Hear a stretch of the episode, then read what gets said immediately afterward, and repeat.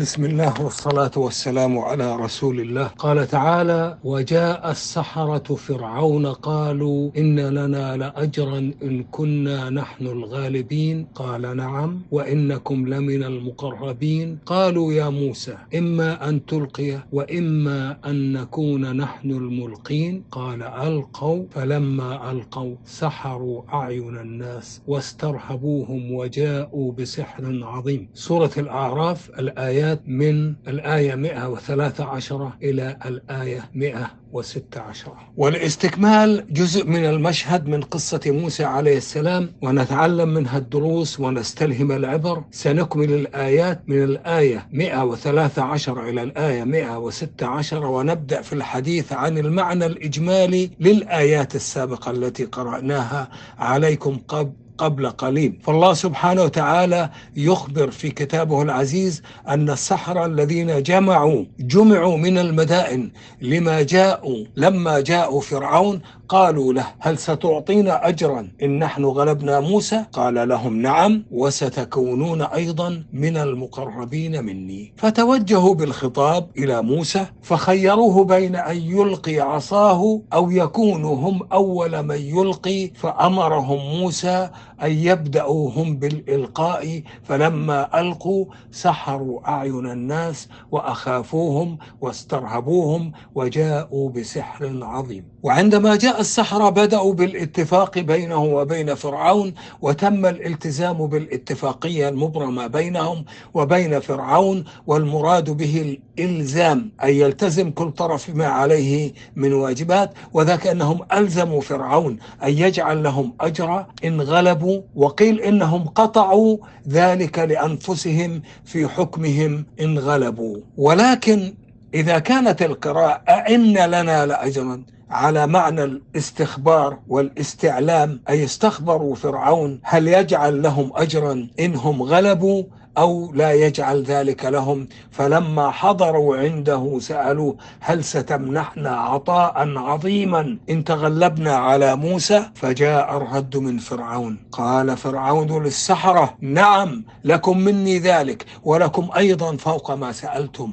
أن أجعلكم من الذين أقربهم مني ثم دار حوار بين موسى والسحرة فقال السحرة يا موسى اختر. إما أن تلقي عصاك أولا أو نلقي قبلك ما معنى من العصي والحبال. قال موسى للسحرة قول الواثق ألقوا أنتم أولا ما ستلقونه وهنا بدأت المبارزة على الملأ والحشود الغفيرة تشاهد وصو وصمت وصم وصمت الجميع. فلما ألقى السحرة حبالهم وعصيهم خيلوا إلى الأبصار بسحرهم أنها حيات تسعى في الحقيقة. وبدأ الخوف يدب في نفوس الناس من المشاهدين والحضور دلالة على أن هذا المشهد عظيم التأثير وأن السحر هو سحر عظيم قد أثر في الحضور جميعا وأخاف السحرة الناس وأفزعوهم بما خيلوا إلى أعينهم من الحيات الكثيرة الضخمة التي تسعى. وكما وصف ذلك القرآن الكريم وجاءوا بسحر عظيم. أي وجاء السحرة بتخييل عظيم الشأن عند من يراه من الناس. ذي تأثير كبير في أعينهم وقد أدخل الخوف الشديد في نفوسهم. وتعلمت من المشهد والحوار الذي دار بين السحرة وبين فرعون أن السحرة وسحرهم لا يؤثر بقلب الأعيان إلى أعيان أخرى وإنما هو تخييل وهذا يدل على ضعفهم وإلا لما طلبوا الأجر من فرعون. فلو كان السحرة قادرين على قلب الأعيان لما احتاجوا إلى طلب الأجر والمال من فرعون لأنهم لو قدروا على قلب الأعيان فلما لم يقلبوا التراب ذهبا؟ ولما لم ينقلوا ملك فرعون إلى أنفسهم؟ ولما لم يجعلوا أنفسهم ملوك العالم ورؤساء الدنيا؟ ولكنهم ضعفاء ويعلموا في قرات أنفسهم أن ذلك سحر يخيل إلى الأعين. وتعلمت من القصة أيضا أن كل الخلق الحضور المشاهدين